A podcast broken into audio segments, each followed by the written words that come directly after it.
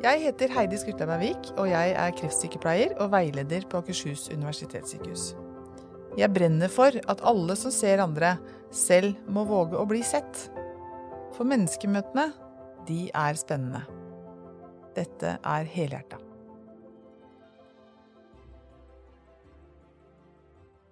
Årets sykepleierleder i NSF Viken 2021 sitter overfor meg her nå i dag i, i helhjerta.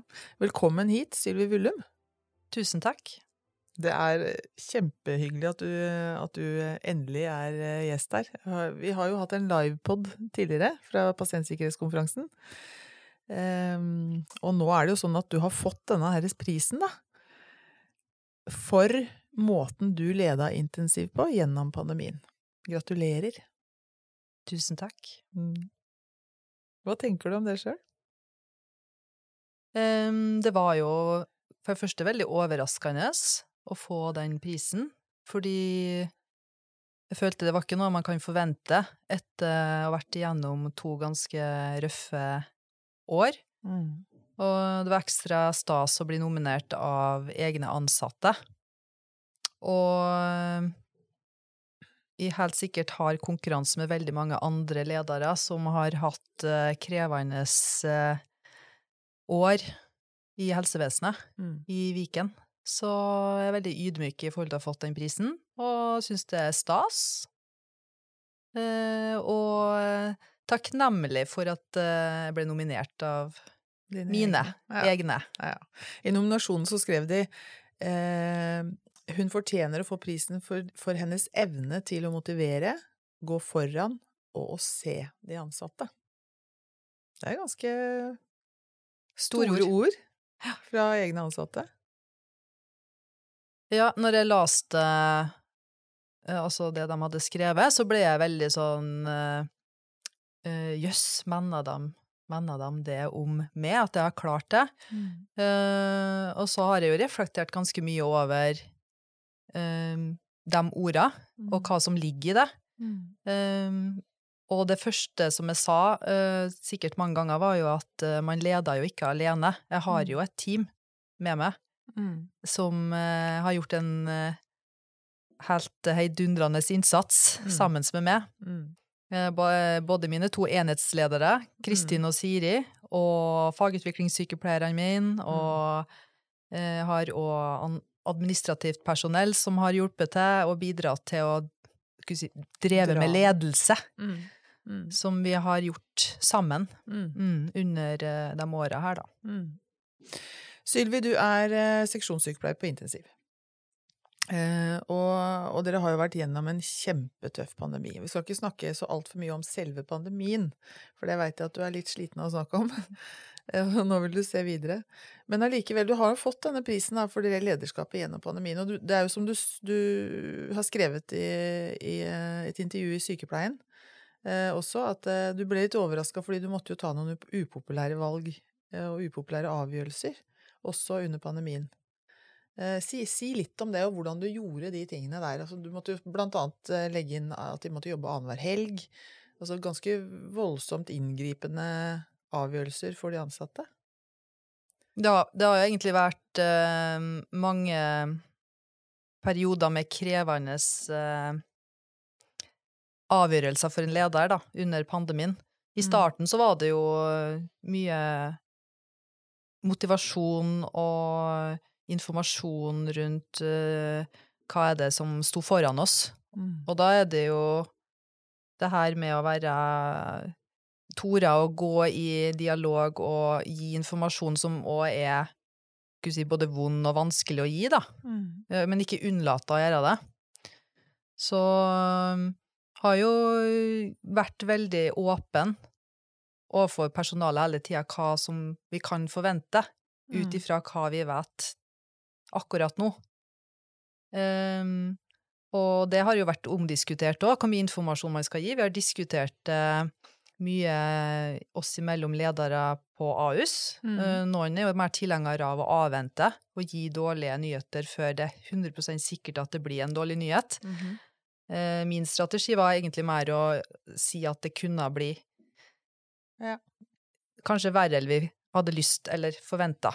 Mm. eh, og være ærlig på det, og så kunne vi heller nesten bli gledelig overraska. Ja. ja. men det, en av de evalueringene som vi har fått i etterkant, det er jo at man har satt pris på den ærligheten, da. Mm. Uh, og at man har tort å snakke om at ting ikke, Det er ikke sikkert ting blir bedre på ei stund, kanskje at det blir verre. Mm. Og hvordan vi skal på en måte løse og komme oss gjennom det, da. Mm.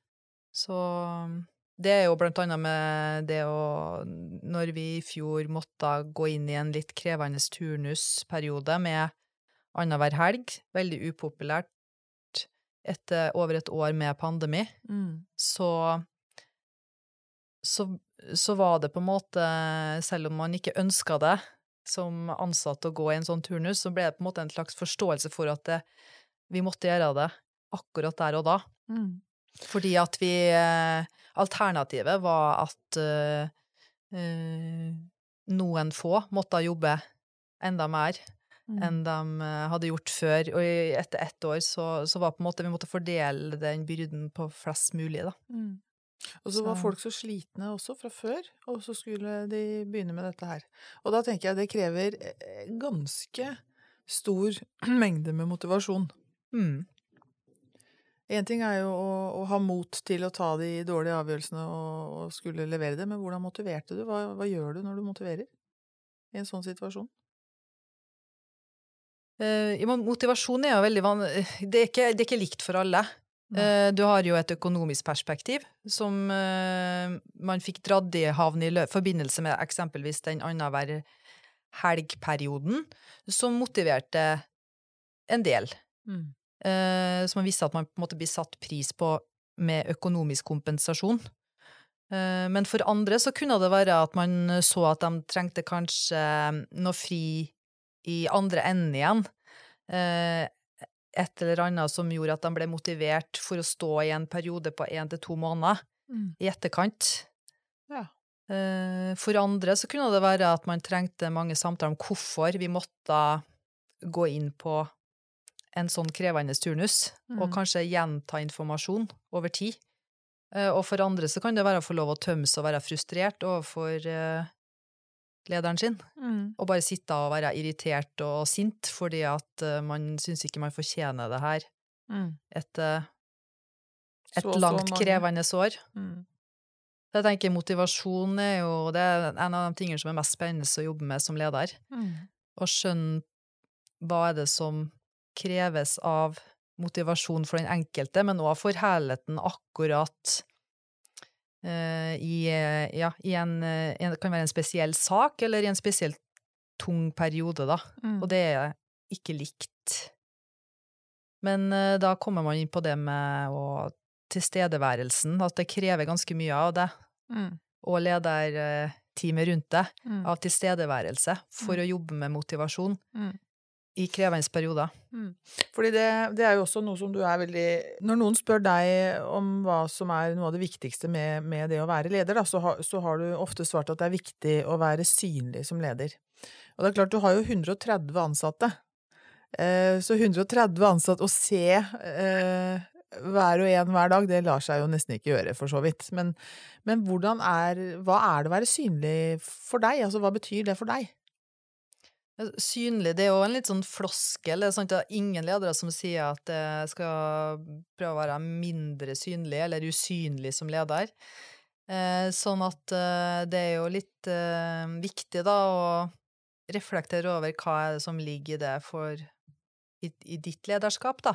Og i mitt tilfelle så var jeg ganske bevisst på det når jeg gikk inn i lederrollen, fordi eh, det er jo noe som man opplever som ansatt, at, eh, at ledere Man ser at man ikke helt får det til, da. Ja. Uh, og det er nesten umulig å få til å være synlig, som du sier, ikke sant? Man kan ikke, hva er synlighet hvis det krever at man skal til enhver tid ha oppmerksomhet rundt 130 stykker, så er ikke, så er ikke det jeg mener med å være synlig. Men eh, jeg var i Newcastle i mars med Universitetet i Oslo på et studiebesøk, og de eh, på et sykehus der fortalte om det viktigste de hadde gjort under pandemien. Mm. Eh, og det var å gå i arealer der covid-aktiviteten var mest krevende hver dag. Mm. Det var det lederne beskrev som det viktigste de gjorde. Mm. Og da satt jeg egentlig bare litt og nikka, og For det gjorde at du. det, det, det var det viktige, viktigste vi gjorde i, eh, i under pandemien, men òg ellers. Det er å være det å være der eh, på arbeidsplassen. Mm. Eh, Det er vanskelig å drive ledelse bare fra hjemmekontor. Det er veldig spennende å høre på dem som har jobba bare på hjemmekontor, om ledelse. Det er Mm. mye, mye foredrag rundt Mm. eh, den biten som man kan eh, finne i dag. Men eh, på et sykehus så, er, så må man være der det skjer. Mm. Spesielt når man har så mange ansatte som jobber til alle døgnets tider. Mm. Og så trenger man flere. Var, du der, var du der til alle døgnets tider? Jeg tenker man trenger flere til å fange opp det som skjer, sånn at man har gode medspillere i når man, eh, når man er leder, da, så må man ha støttespillere. Man må ha et team rundt seg som fanger opp eh, ting som skjer, som man kan, skal, må og skal ta tak i, da. Mm. Eh, og det betyr ikke at man skal være til stede selv 24-7, det er umulig. Ja. Altså, men eh, det er veldig fort å bli dratt i andre retninger som leder. Det er Mm. mange som booker seg inn i kalenderen din, som eh, er eh, Ja, som mener at eh, du bør prioritere akkurat det møtet, eller det prosjektet. Eh, og, og det er lett å på en måte bli dratt mer og mer ut fra der den kliniske virksomheten er, da. Mm. Men jeg vet at du, du av og til møtte opp i helgene og, og for å se hvordan det sto til og sånn. Akkurat under pandemien, da var vi veldig, da var vi veldig tilgjengelige, og i helgen. Det var jo veldig mye Var det du, du og de to enhetslederne dine du snakker om vi, eller? Mm. Mm. Ja, det var jo veldig mye aktivitet som ble endra, kanskje på en fredag. Bare reiserestriksjoner, smitteregler, karanteneregler. Eh, vi hadde ansatte som var i karantene, eller trodde de skulle i karantene, eller lurte på det. Så det var jo veldig mye i rundt den logistikken som krevde at vi var veldig tilgjengelige og hele døgnet. Mm. Og så har vi jo hatt to ganske krevende påsker, og da var det veldig naturlig å være til stede på, på Ahus, Mm. og ikke ta påskeferie. Ja. Eh, Det hadde vært eh, Det hadde vært rart. Ja. Og når eh, man pålegger eh, ansatte å jobbe med både merarbeid, overtid og, og en økt arbeidsbyrde, så forventer jeg samme av meg selv òg. Mm. Det, det er det minste. Her har vi kanskje noe av kjernen til hvorfor du har fått denne prisen, tenker jeg. Jeg tenker det har jo også noe med ledelse må være der i Altså må man være her som leder i vanskelige tider, Mm. som kaptein på skuta. Ja. Eh, Man kan ikke da være andre steder, faktisk. Nei. Det Mm. Det er kanskje, du har jo ikke bare fått Årets sykepleierleder i NSF Viken, du fikk jo en pris til, du, for 2021. Eh, og det var den intensiv, eh, NSF intensivsykepleiere. Der fikk du også eh, lederprisen for 2021. mm. Det er jo ganske flott, altså. Ja, det var veldig gøy. Hadde, det var den første gangen den ble delt ut på intensivkonferansen i Oslo, som var i november. Eh, Så det hadde jeg heller ikke forventa. Og, og det er klart at uh, intensivavdelingene i Norge har uh, Det er ikke bare Ahus som har hatt mye å gjort under pandemien, eller har måttet bedreve veldig krevende form for ledelse, da. Mm. Så, så det, var, det var gøy. Mm. Men det er jo sånn med sånne priser, det er jo veldig ferskvare. Mm. Så det er jo litt skummelt, fordi det blir jo noen forventninger som blir lagt, Ja, som kommer med. ja. Det er interessant. Hva, hva, hva kjenner Um, du på forventninger? Nei, det kan være flere ting, men eh, det er jo litt sånn eh, som du sier, det er store ord som står om deg som person, Mm. som jeg tenker det er Det er ikke hver dag man klarer å fylle, fylle de superlativa. Og så forventes det jo kanskje at du har eh, ja, mye fornuftig å si, da, om Mm. ledelse i, i, i krisetider. Og jeg har jo blitt kontakta av eh, flere for å holde selvfølgelig foredrag i temaet. Mm. Mm. Der du skal komme med noe svar på akkurat det du spør om, ikke sant? Hvor, Hvordan skal vi dra i flokk, og hvordan skal vi motivere ansatte i dårlige tider, og Mm. det her er jo blitt veldig inn å snakke om eh, etter pandemien. Det er mange som vil ha svaret på Eller jeg skal si quick fix. Ja. Og det finnes jo ikke. Jeg, eh, jeg jobber jo mye med, med kommunikasjon, den praktiske kommunikasjonen. Og jeg tenker jo eh, vi, vi, Alt det du snakker om om motivasjon, og om det å se, og være til stede, og lede og tørre å ta avgjørelser, forberede de tingene der, det er kjempeviktige ting, og veldig, veldig viktige ting. Men du har jo en annen ting, Sylvi, som er ganske tydelig for meg når jeg sitter og ser på deg, og for de som, er, som kjenner deg. Du har et veldig blidt og hyggelig ytre. Altså, du ser blid ut. Tror du det er en viktig ting for deg? Eh, Ja, altså, jeg, jeg føler meg ikke alltid veldig blid, så det er litt eh, morsomt du sier at det ser blid ut. Og det har faktisk òg blitt påpekt uh, at det er jo ikke alltid det passer å være blid. Nei. Ikke sant? Det er noen ganger du ikke bør være så blid. Ja.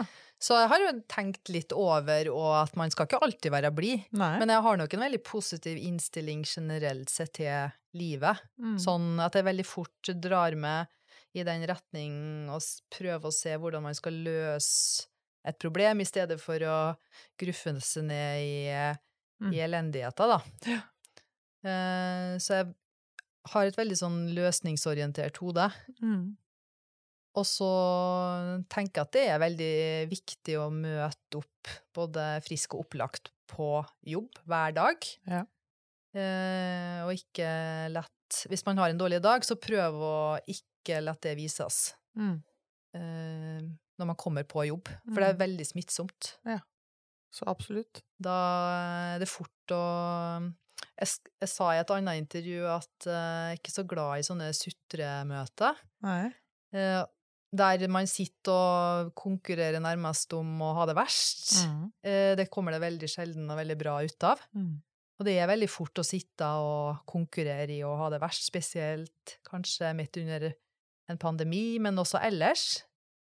Um, og da tar jeg nok gjerne ofte den eh, rollen der man skal se framover og ikke bakover, og, Ja. Dra og drar eh, i, mer i løsningsretning, da. Mm. Mm. Men at du likevel eh, rommer eller favner allikevel Altså, greier du å favne den fortvilelsen hvis det er kjempesliten eller sånn først, eller, eller går du bare videre? Jeg tror at det kan oppleves som begge deler. Ja. Eh, for noen så kan jeg nok oppleve at det veldig fort blir ferdig med en sak. Mm. Eh, kanskje før de er ferdig med saken. Mm. Sånn at jeg er nødt til å ta et steg tilbake og gå i Oi, resten henger ikke med noe i, i eh, å se framover. Mm. Så det er jo noe som jeg har lært meg til òg etter noen år som leder, hva som Mm. man virker på andre. Eh, og der kan jeg virke som en som veldig fort går videre. Ja. Um, og, og der er vi veldig forskjellige som, som mennesker. Noen trenger jo hjelp selvfølgelig til å komme seg videre i en prosess, men noen Mm. ganger så er det faktisk sånn at vi som ønsker å gå fort videre, òg må ta et steg tilbake, da. Ja, veldig viktig. Så bra. For det er jo en av tingene som sto i denne prisnominasjonen din, at du, du, har, du går foran. Så det er jo tydelig at det at du har gått foran, kanskje har dratt litt i folk, eh, og, og, og vært kapteinen, da, som du sier, det er jo en kjempeviktig del. Men det, å, det blir litt som med pasientene. som når vi, når vi snakker med pasientene, vi skal møte pasienten der pasienten er. Det blir litt det samme. Møte de ansatte der de er. Mm. Og så hente, de, hente dem fra der de står. Mm. Det er sikkert ikke bare bare når du har 130 ansatte. Nei, Det er ganske mange steder man må hente folk. det er mange steder, og det er derfor at selvfølgelig det er ikke noe man klarer alene. Så derfor er det å lage Det er òg en ting som er veldig morsomt å jobbe med, syns jeg, det er å lage gode, robuste system, da, som skal fungere når ikke man er til stede selv, ikke minst. Mm. Men òg hvis eh, det blir endring på personalgruppa eller ledelsesgruppa, så skal de her systemene fungere uavhengig av hvem som er på jobb, da. Ja. Eh, Det syns jeg er veldig morsomt å jobbe med. Mm. Sånn bit for bit å finne system der eh, det ikke gjør noe om jeg blir borte. Mm. Så bra. Det er kjempebra. Så da, da ligger det jo at man jeg er nok ganske glad i å både delegere ansvar og gi rom for å jobbe selvstendig, da. Mm. Eh, Og forventer kanskje det òg av eh, mine enhetsledere og dem i teamet rundt meg, at de eh, kommer hvis de har eh, behov for å diskutere en sak, men at man har ganske stort rom for frihet, da, i arbeidet. Mm. Så du er rett og slett ikke noe kontrollfrik? Jeg liker i hvert fall å si at det ikke er det, men så tror jeg at det er ikke sant i alle situasjoner. Nei. Um, I jobbsammenheng er jeg nok mindre kontrollfrik eller i hjemme, for eksempel. Mm. Så, så det er litt li- sånn eh, avhengig av hva, hva vi snakker om. Men uh, jeg liker veldig godt å ha handlingsrom selv i arbeidslivet. Mm. Uh, og det ønsker jeg i hvert fall å gi til mine ansatte òg. Mm. Så man får rom for å vokse. Ja, jeg, akkurat, jeg sitter akkurat og tenker på det. Få rom til å fly. Bre ut vingene Jeg tenker sine. det er Mm. igjen noe som er veldig motiverende for de fleste. At Mm. det er, uansett hvilken type jobb man har, at det er en viss form for eh, handlingsrom Ja. eh, der man selv kan ta avgjørelser. Mm. Det er ganske viktig for jobbmotivasjon over tid. Ja, nesten alt å si, syns jeg. At, det, at man har lov til å være kreativ, at ikke det, at kreati, kreativitet og gode ideer og sånn, at ikke det ikke bare blir slått i bakken. Det, Mm. det har veldig mye å si, altså. Mm. Mm. Det er jo en av de tingene som er kanskje vanskeligst å få til i, eh, for dem som jobber i klinikken, Ja. pasientnært. For uh, vi jobber jo i et system der ting skal gå, både gå fort, og det er mye prosedyrer og retningslinjer og, Ja. og mye ting som er lagt i system. Mm. Så, men det er veldig spennende å jobbe med. Ja. Og da er det jo igjen å snakke med hver enkelt hva som er viktig for en. Mm. Og det kan, der kan man få noen overraskelser når man spør det spørsmålet. Ja, både til pasientene. Sant? Den Mm. kampanjen, hva er viktig for deg? Den kan man like så godt bruke på Ja, ansatte. ja, ja. Det er kjempeviktig. Utforske hvor den andre er hen. Mm. Vi tolker så fælt, vet du. Ja, det er mange tolker ganger at eh, det man tenker ikke stemmer i, hele tatt. Hvis man bare Vi har jo eh, medarbeidersamtaler, selvfølgelig, i tillegg til andre samtaler, der vi kanskje mer og mer har gått over til å ikke følge den Ja. Det er bra. malen til Ahus. Ja. Eh, men at man kanskje begynner med det hva er viktig for den enkelte. Ja. Og da Mm. kanskje hele samtalen dreier seg dreier en helt annen retning eller det Mm. som man hadde tenkt i utgangspunktet, da. Mm. Mm. Så bra. Det er, det er så viktig. Fordi de, ja, de spørsmålene kan være litt uh, firkanta noen ganger, så det er litt sånn komme seg ut av den. Eh, eh, Sylvi, du er en eh, eh, Du har jo vært ansatt på huset her. Hvor, hvor mange år har du vært her? 20? Ja, der ser du. Eh, og jeg har vel nesten eh, visst og kjent deg siden du begynte. Du er en veldig engasjert dame. Eh, og du virker uredd. Det har du gjort, det har du gjort alltid. Virka veldig uredd. Er det noe som helst du syns er skummelt? Jeg syns masse er skummelt. Redd for høyder, redd for eh, krypdyr, redd for edderkopper. Redd for å sove alene. Nei da. men uh, jeg liker kanskje å angripe litt sånn eh, frykten min med å utfordre den, da. Ja. Så derfor har jeg jo tatt en del roller i arbeidslivet som uh, har vært litt krevende. Mm. Um, der Som fører det kanskje litt andre retninger eller det du har tenkt, da. Mm. Men eh, absolutt, det føler jeg mye på frykt, altså. Så det bare ikke vises utapå. Mm. Du kan også kjenne at du er litt usikker i noen situasjoner. Absolutt. Ja. Og det tror jeg er litt viktig for folk å høre, da. For når, når man, når man framstår veldig sånn trygg og sikker og eh, har mye erfaring, vi, når vi bærer med oss så mye erfaring som du har, da, eh, så, så, så syns det, ikke sant, at du er trygg på det. Og det for de som kanskje ikke kjenner på den er, Det er ingen som kjenner på trygghet hele tiden. Så det å høre at du sier at du kan også være usikker, det kan egentlig være litt sånn fint for andre å høre. For hva gjør man? Altså, man tåler jo å være usikker en liten stund hvis man Mm. egentlig bare er en bauta. Sånn stort sett. Man står trygt. Så Mm. tåler, kan vi tåle litt usikre situasjoner. Hvordan håndterer du det? Hvis det bare bøyer du liksom eh, nakken og bare kjører på, eller hva, hva gjør du når du er usikker? Det er mange situasjoner man er usikker i, spesielt med når man er må ta både kjappe, kjappe avgjørelser, men òg når man skal inn eksempelvis i, i samtaler som kan være krevende, konflikthåndtering, eh, andre krevende eh, samtaler med ansatte, så tror jeg er nok en person som ikke Jeg hopper ikke i det mm, sånn eh, med lyst. Jeg er nok en som kanskje heller sover på det et døgn, Mm. og så tar jeg heller samtalen eh, etter et døgn eller to. Mm. Eh, Jeg liker godt å tenke litt over at mitt første Det kan jo være at, at det er mye følelser i sving. Mm. Jeg er jo et følelsesmenneske, så det er litt sånn blitt kjent med meg selv der, så vet jeg at det er smart å ta et skritt tilbake. Mm. Og da kan man jo, i stedet da for å ta den samtalen når man kjenner på, eh, på mye spenning av følelser, så er det jo klart at man virker jo tryggere når man har venta et døgn. Ja. Og grunner på det, sånn som jeg ofte gjør, da. Ja, og der tror jeg også det er ganske mye å lære for ganske mange. Det at det kan være lurt å vente litt innimellom.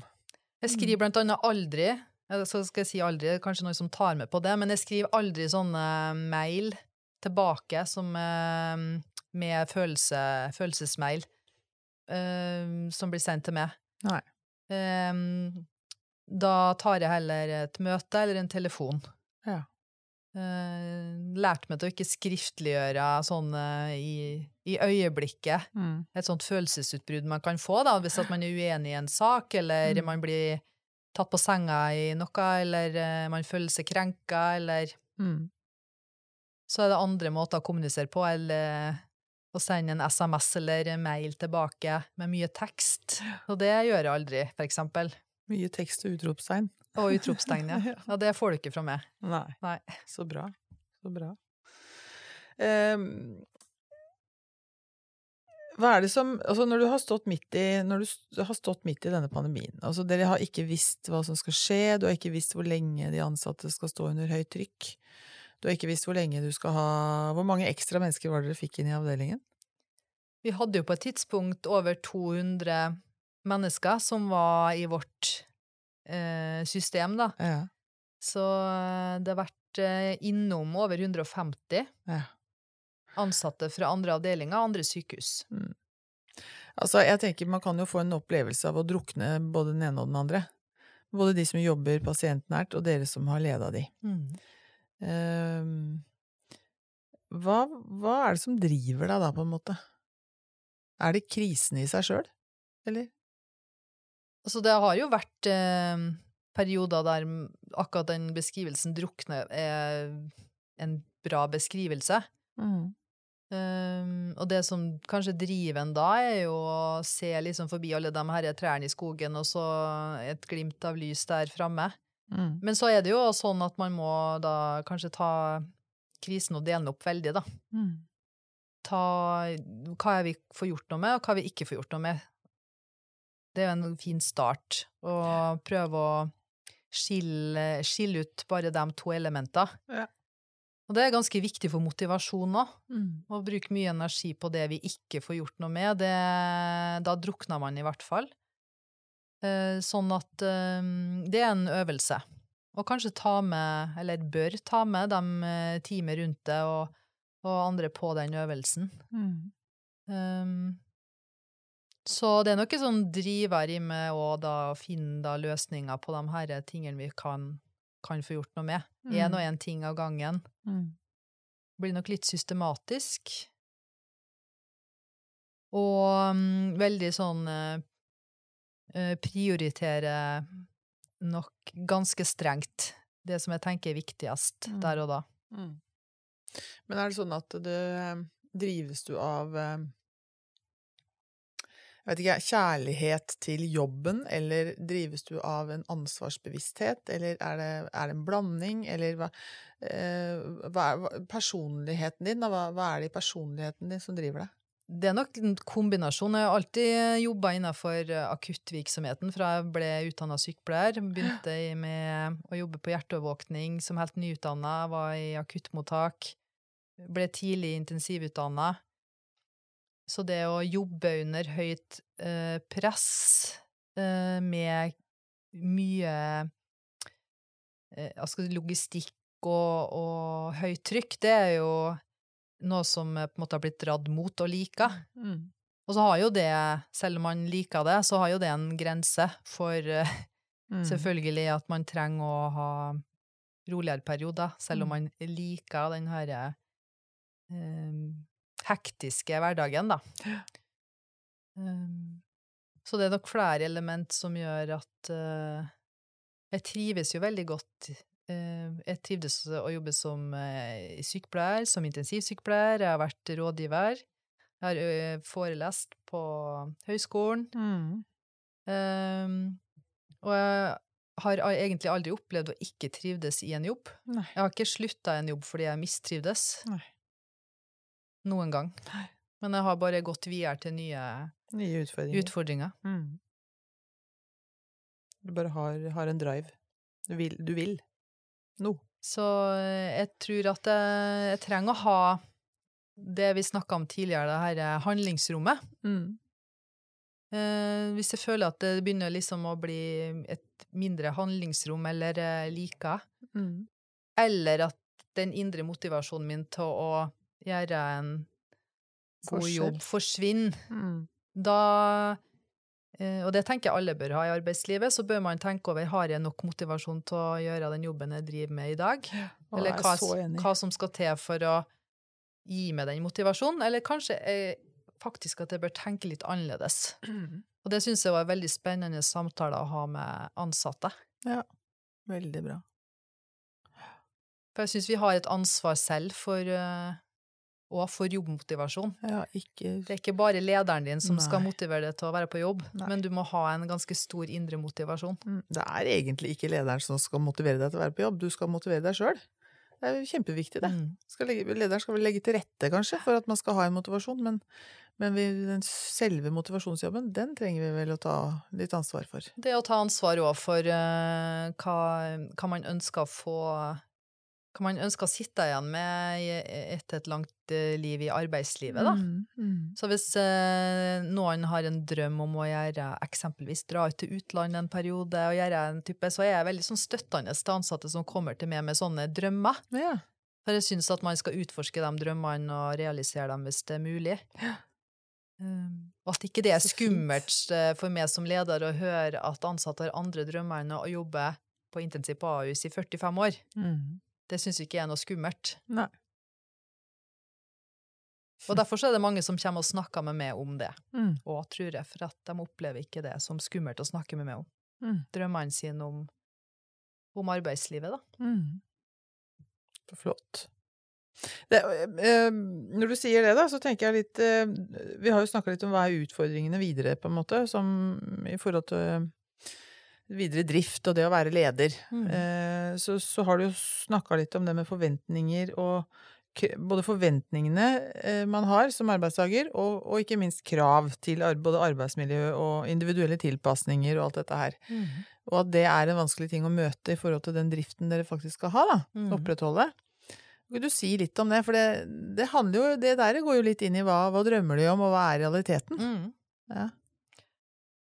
Det er kjempeviktig, og i framtida så kommer vi ikke til å ha flere eller mer spesialisert helsepersonell enn i dag, tror jeg. Jeg tror vi kommer til å stå med de utfordringene med at det er en eh, mangelvare da, på spesialsykepleiere over mange år.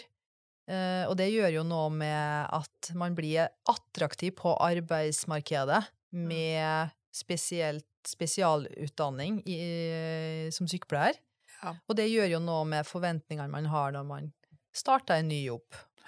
Og det er jo sånn som vi lederen kjenner veldig på, at det er veldig viktig med realistiske avklaringer når vi sitter i de jobbintervjuer, når vi sitter i samtaler med ansatte om hva, hva er faktisk vi hva er det vi liksom vi må kreve for at du skal jobbe hos oss?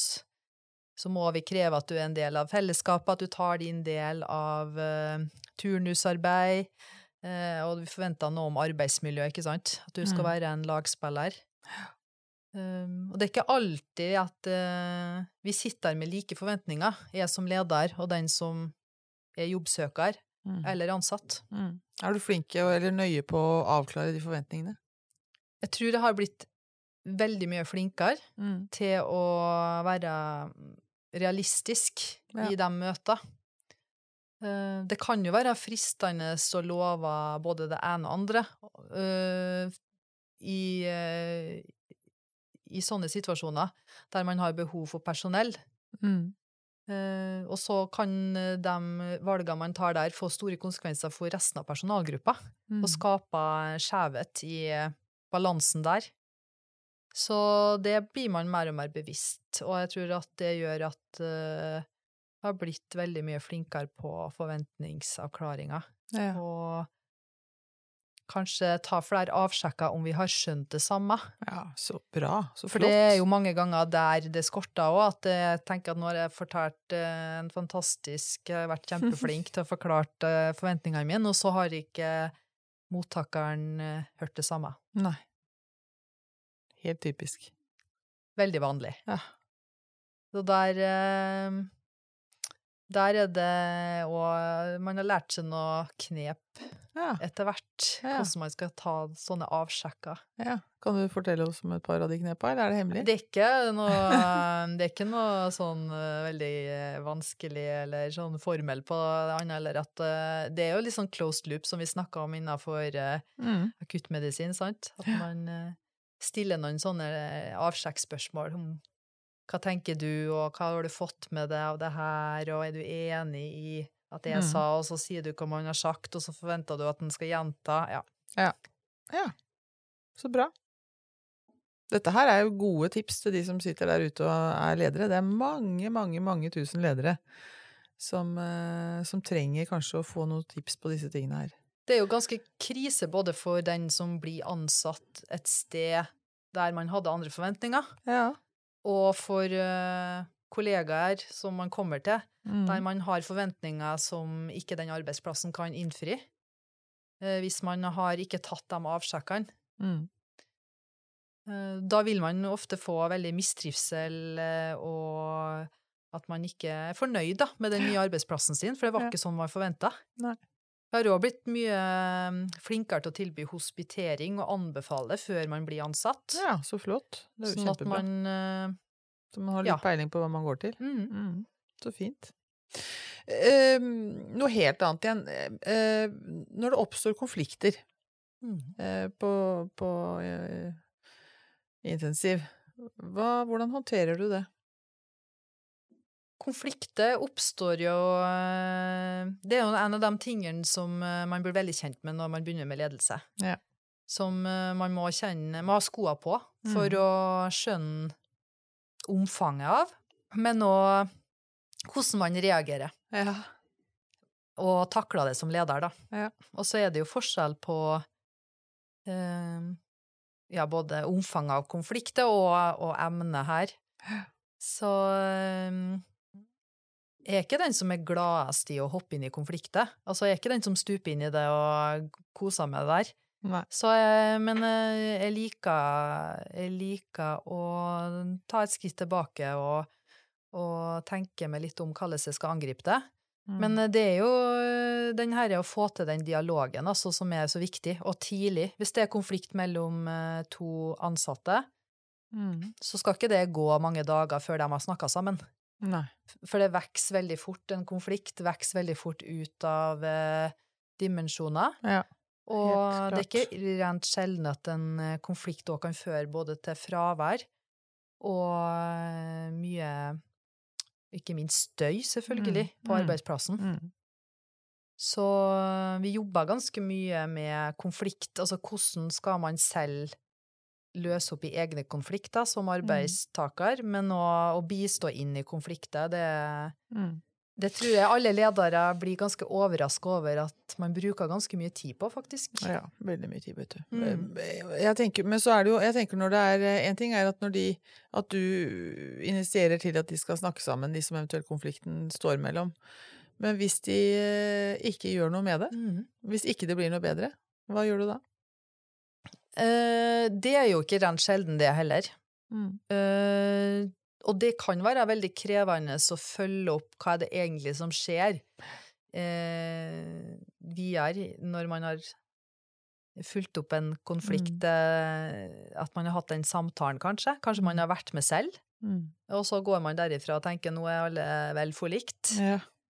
Um, så, eh, så man må nok følge opp gjerne sånne konflikter over tid, og Ja. ta avsjekker på at det faktisk er greit, Mm. og at man eh, har eh, Det skaper ofte veldig mye dype sår i å ha, ha arbeidskonflikter. ja, det gjør det. Det er veldig, veldig krevende å stå i arbeidskonflikter.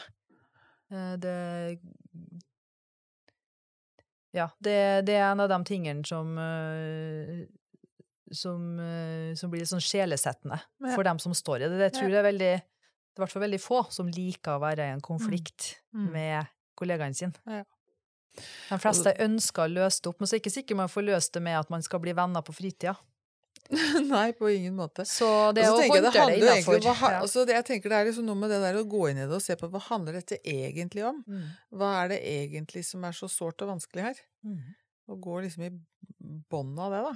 Men det Mm. er ikke alltid så lett å, å skulle hjelpe til i det hvis de ikke ønsker det. Det er noe med det. Hva er det som driver konflikten, på en måte? Ikke sant? Og det, mange ganger så er det drivere som òg kan være utafor arbeidsstedet. Ja. Som, eh, fordi man, eh, mange ansatte har jo private private relasjoner, Mm. eh, som gjør at konflikter er mer skjult. Mm. Altså årsaken er mer skjult for, For de andre, for de andre. Ja. Mm. Mm. Men det er òg litt spennende å jobbe med konflikter. For det er jo eh, det her å forske litt på hva er det som driver, hva er det som Mm. driver den her Mm. til det her. Mm. Hva er det som ligger bak? Mm. Og jeg er litt sånn, eh, liker å være litt sånn nysgjerrig på folk, da. Mm. Det er veldig bra. Så det er jo noe man må være som eh, personalleder. Man må Mm. like å forske litt på folk. Ja, ja. Og jeg tenker jo det er det litt sånn For du må jo ha ganske mye empati når du er leder. Eller bør ha mye empati. I forhold til det å, å prøve å finne ut hvor den andre er, hvem er den andre. Eh, forstå den andre, og det handler jo om å være nysgjerrig, da. At vi Mm. spør. Mm. Spennende. Um, er du god på å rose? Det tror ikke jeg er best på. Um, jeg er ganske sikker på at jeg ikke er best på det. Ehm, der tenker jeg at eh, det er jo et sånt stort felt, ikke sant? Hva er ros, og ros kan jo, kan jo vises på mange ulike måter. Ehm, men eh, jeg tenker at jeg har eh, Det er absolutt en, eh, et forbedringspotensial hos alle ledere, tror jeg. Ja. Det er jo en ting som står i alle sånne forbedringsundersøkelser, at man får på en måte anerkjennelse for jobben man gjør, Ja. Er noe som er viktig, ikke sant? Det var litt, det snakka vi om i stad, og det, der tenker jeg at eh, et krevende felt for oss som eh, er ledere eh, til personell som jobber turnus, da, så er det vi ganske store deler av arbeidstida ikke vi er til stede når de er til stede på jobb. Mm. Så vi får på en måte ikke vært i situasjonen og Nei. gitt ros. Mm. Og gitt den spesifikke rosen. Og gitt den spesifikke Mm. rosen. Så Mm. det kan fort bli bare litt sånn generell ros. Ja. Uh, spesielt uh, syns jeg det er utfordrende til dem eh, som jobber Ja, dem som jobber pasientnært, dem som driver sykehuset, dem som Ja. jobber eh, Mm, i mm. klinikken hver dag. Mm. Eh, så er det fort at man gir ros til dem som er med i prosjekt eller har spesialoppgaver. Og så er det, tenker jeg den viktigste rosen bør gis til dem som jobber i klinikken hver dag med den Ja. viktigste jobben, som er å jobbe med pasientene. Ja. For det er jo derfor vi er alle sammen. Ja. I forhold til ledelse så er det jo dette her med å tenke denne eh, hva vi trenger da, for å kjenne oss motivert og kjenne glede på jobb, og sånn som Michael West, blant annet fra Mm. Austin eh, University i USA. Mm. Blant annet. Han, eh, han eh, sier jo det at eh, vi trenger å være eh, ha autonomi, altså en viss form for å kunne bestemme over seg selv. I hvert fall i det minste når vi skal gå på do, og, når vi skal, om vi, og, og få muligheten til å spise. Det er jo ikke alltid at dine har fått muligheten til Mm. noen av de heller, ikke Mm. sant? Det, eller det er jo Det sier jo litt om, å- om hva slags press de har stått under. Men det er autonomi, ha en viss mulighet til å bestemme, og så er det å føle seg kompetent, og så er det å høre til. Mm. Høre til i en gruppe. Og, så, og da tenker jeg med det med, med kompetanse, eller det å føle seg kompetent, så har man jo ikke mulighet til å sende alle på kurs hele tiden. Og man har, man Mm. har jo ikke det. Og, og jeg tenker, har tenkt mye på det at det å få ros, da, spesifikk ros, det gjør jo at vi blir klar over i mye større grad hva vi faktisk er kompetente til. Mm. Fordi jeg tror, det jeg tror vi blir litt sånn vant til oss sjøl og skjønner ikke helt at vi gjør en bra jobb, og liksom, så blir vi litt i tvil, og så, og så gjør man vi, vi, vi har jo noen blinde flekker som både er på godt og vondt, men, men vi har jo veldig mange blinde, gode flekker alle sammen. Mm. Og det der å få den der spesifikke rosen av og til som eh, Om ikke fra lederen bare, men fra kollegaer, da. Mange savner jo det òg, så de eh, savner jo ros fra kollegaer. Ja. Ehm, og det er en ting vi jobba med, ja, med i 2022, ikke sant, etter pandemien, å kunne se hverandre.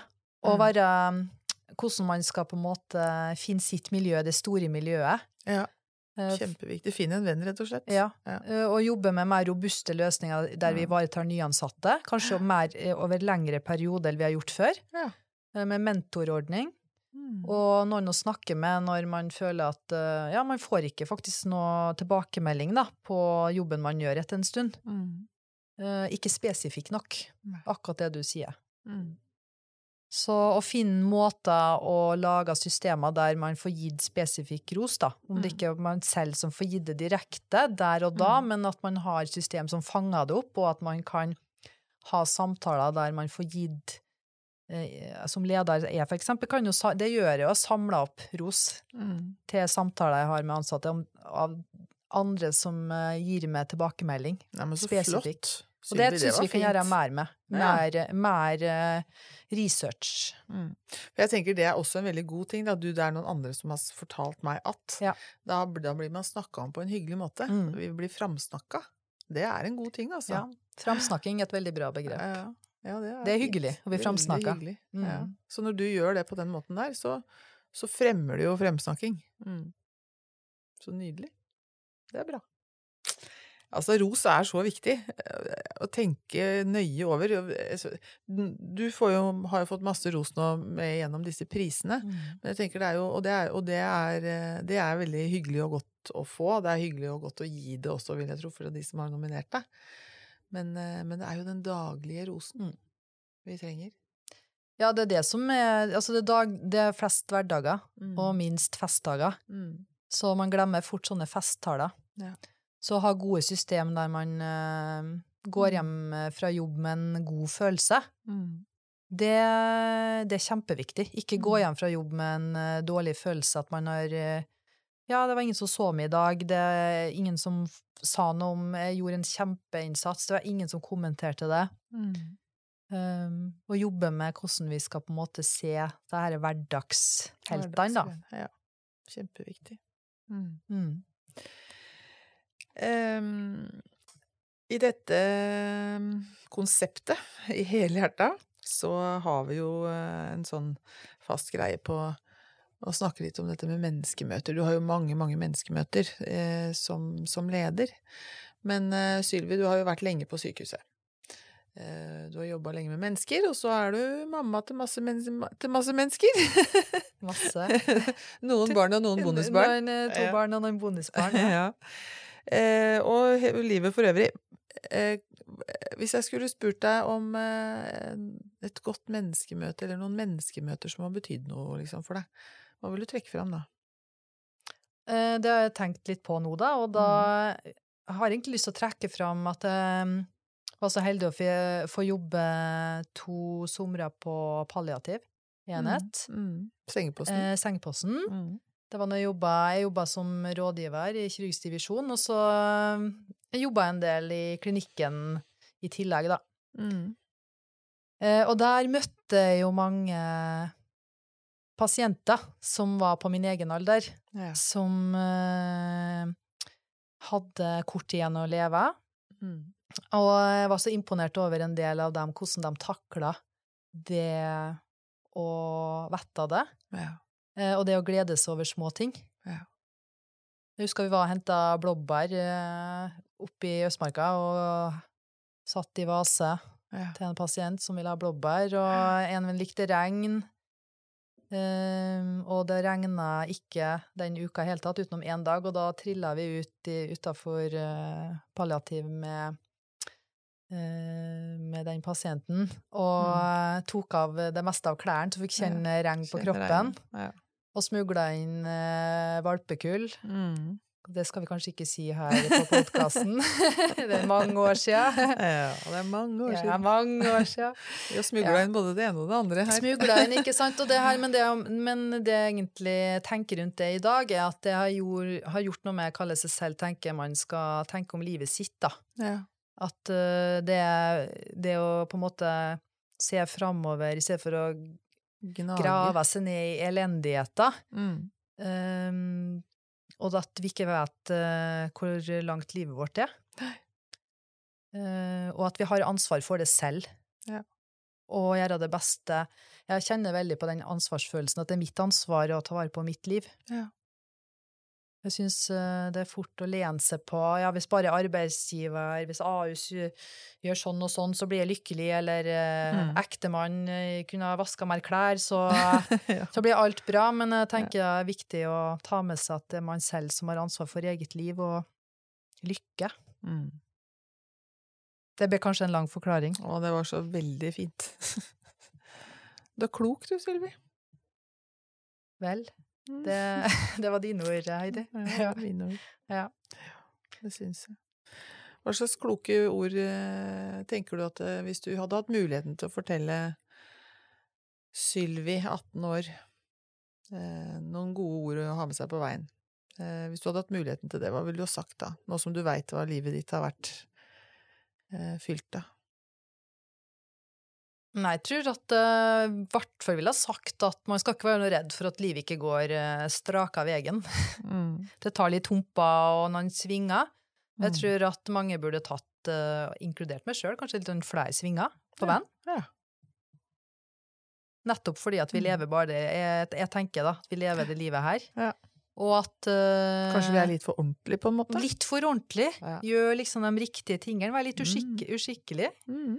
Ehm, ikke vær så redd for uh, Det er litt sånn dameting, da, men man er så redd for å være sånn egoistisk og tenke på seg selv, og, Mm. og så har det blitt litt floskel at man skal realisere seg selv. Mm. Men det å på en måte være litt uredd i valg, Mm. det tror jeg jeg hadde sagt til meg selv. Skal ikke være redd for å ta noen litt uh, valg som er litt uh, På sida. På sida. Mm. mm. Det er enig. Når du skal ta vare på deg sjøl nå, når du har den jobben du har Du kunne ha vært på, ha vært på jobben 24-7. Ehm, og det er du ikke, for du er veldig opptatt av at du skal være der på plass for familien din. Det vet jeg at du er opptatt av. Men når du skal ta vare på deg sjøl nå, hva, hva gjør du da? Nei, det jeg gjør mest av, det tror jeg at jeg tar med hunden og springer i skogen, i, som er ganske nært der jeg bor, Ja. og får ut eh, både frustrasjon og nullstilling, da. Ja. Nullstilling gjør jeg gjerne med å være ute i naturen med Mm. flettcoaten. Man får høre mye. Ja. Det er viktig Det er viktig mentalt Mm. for meg. Så Mm. bra. Ehm, Sylvi, du, ehm, du er Du har vært leder i flere år nå, og du skal fortsette å være leder, eller? Ja, skal jeg det, ja? Nei, det, det eh, Jeg ja. husker, du, jeg husker du sa at du gir deg sjøl fem år, eller noe. Så var det noe sånt du sa. Mm. Jeg hadde tenkt eh, Nå har jeg vært leder siden 2017, Mm. i oktober, så da er det fem år, da. Ups. Da må jeg ta en eh, evaluering av eh, Jeg tenker at man må være høymotivert for å være leder. Ja. Det er ikke noe man skal tenke på som en eh, jobb man må ha ut arbeidslivet. Nei. For det får så utrolig store konsekvenser hvis man mister motivasjon som leder. Ja. Eh, og, og at å evaluere eh, motivasjonen sin, og kanskje tenke flere løsninger da, Mm. på arbeidslivet. Mm. Ikke gå inn i det sporet der man, det er the point of no return. Ja. At man ikke kan gå ut av det. Jeg tror ikke intensiv er tjent med at jeg er leder der om 20 år. Det tror jeg ikke. Nei, det tror jeg ikke om noe sted. At Nei. man bør være 20 år. Såpass må jeg bare si. At jeg Ja. tror det er sunt med endring, og, og jeg tror det er nesten umulig å være høymotivert for å være leder på ett sted over så mange år. Mm. Det er kanskje ut, ikke til forkleinelse for dem som er det, men det er i hvert fall sånn jeg tenker om meg selv. Ja, du sa det, du trenger handlingsrom. Mm. Trenger å fly litt. Så spennende. Håper du fortsetter litt til, jeg da, for min del. ikke du gir deg i oktober. Det tror jeg Ja, ikke. nei, det, det det kom kanskje litt brått på oktober. Ja. Ja. Kjære Sylvi Vullum, eh, masse lykke til videre i jobben din på eh, intensiv. Tusen takk for den jobben du og alle dine damer og menn har gjort der oppe. Det er fantastisk, den, den innsatsen dere har eh, lagt ned i pandemien, og dere gjør hver dag, egentlig. Tusen, tusen takk for at dere var der for oss. Takk for at du fikk komme Også hit. takk for at du kom hit. Mm. Lykke til. Takk.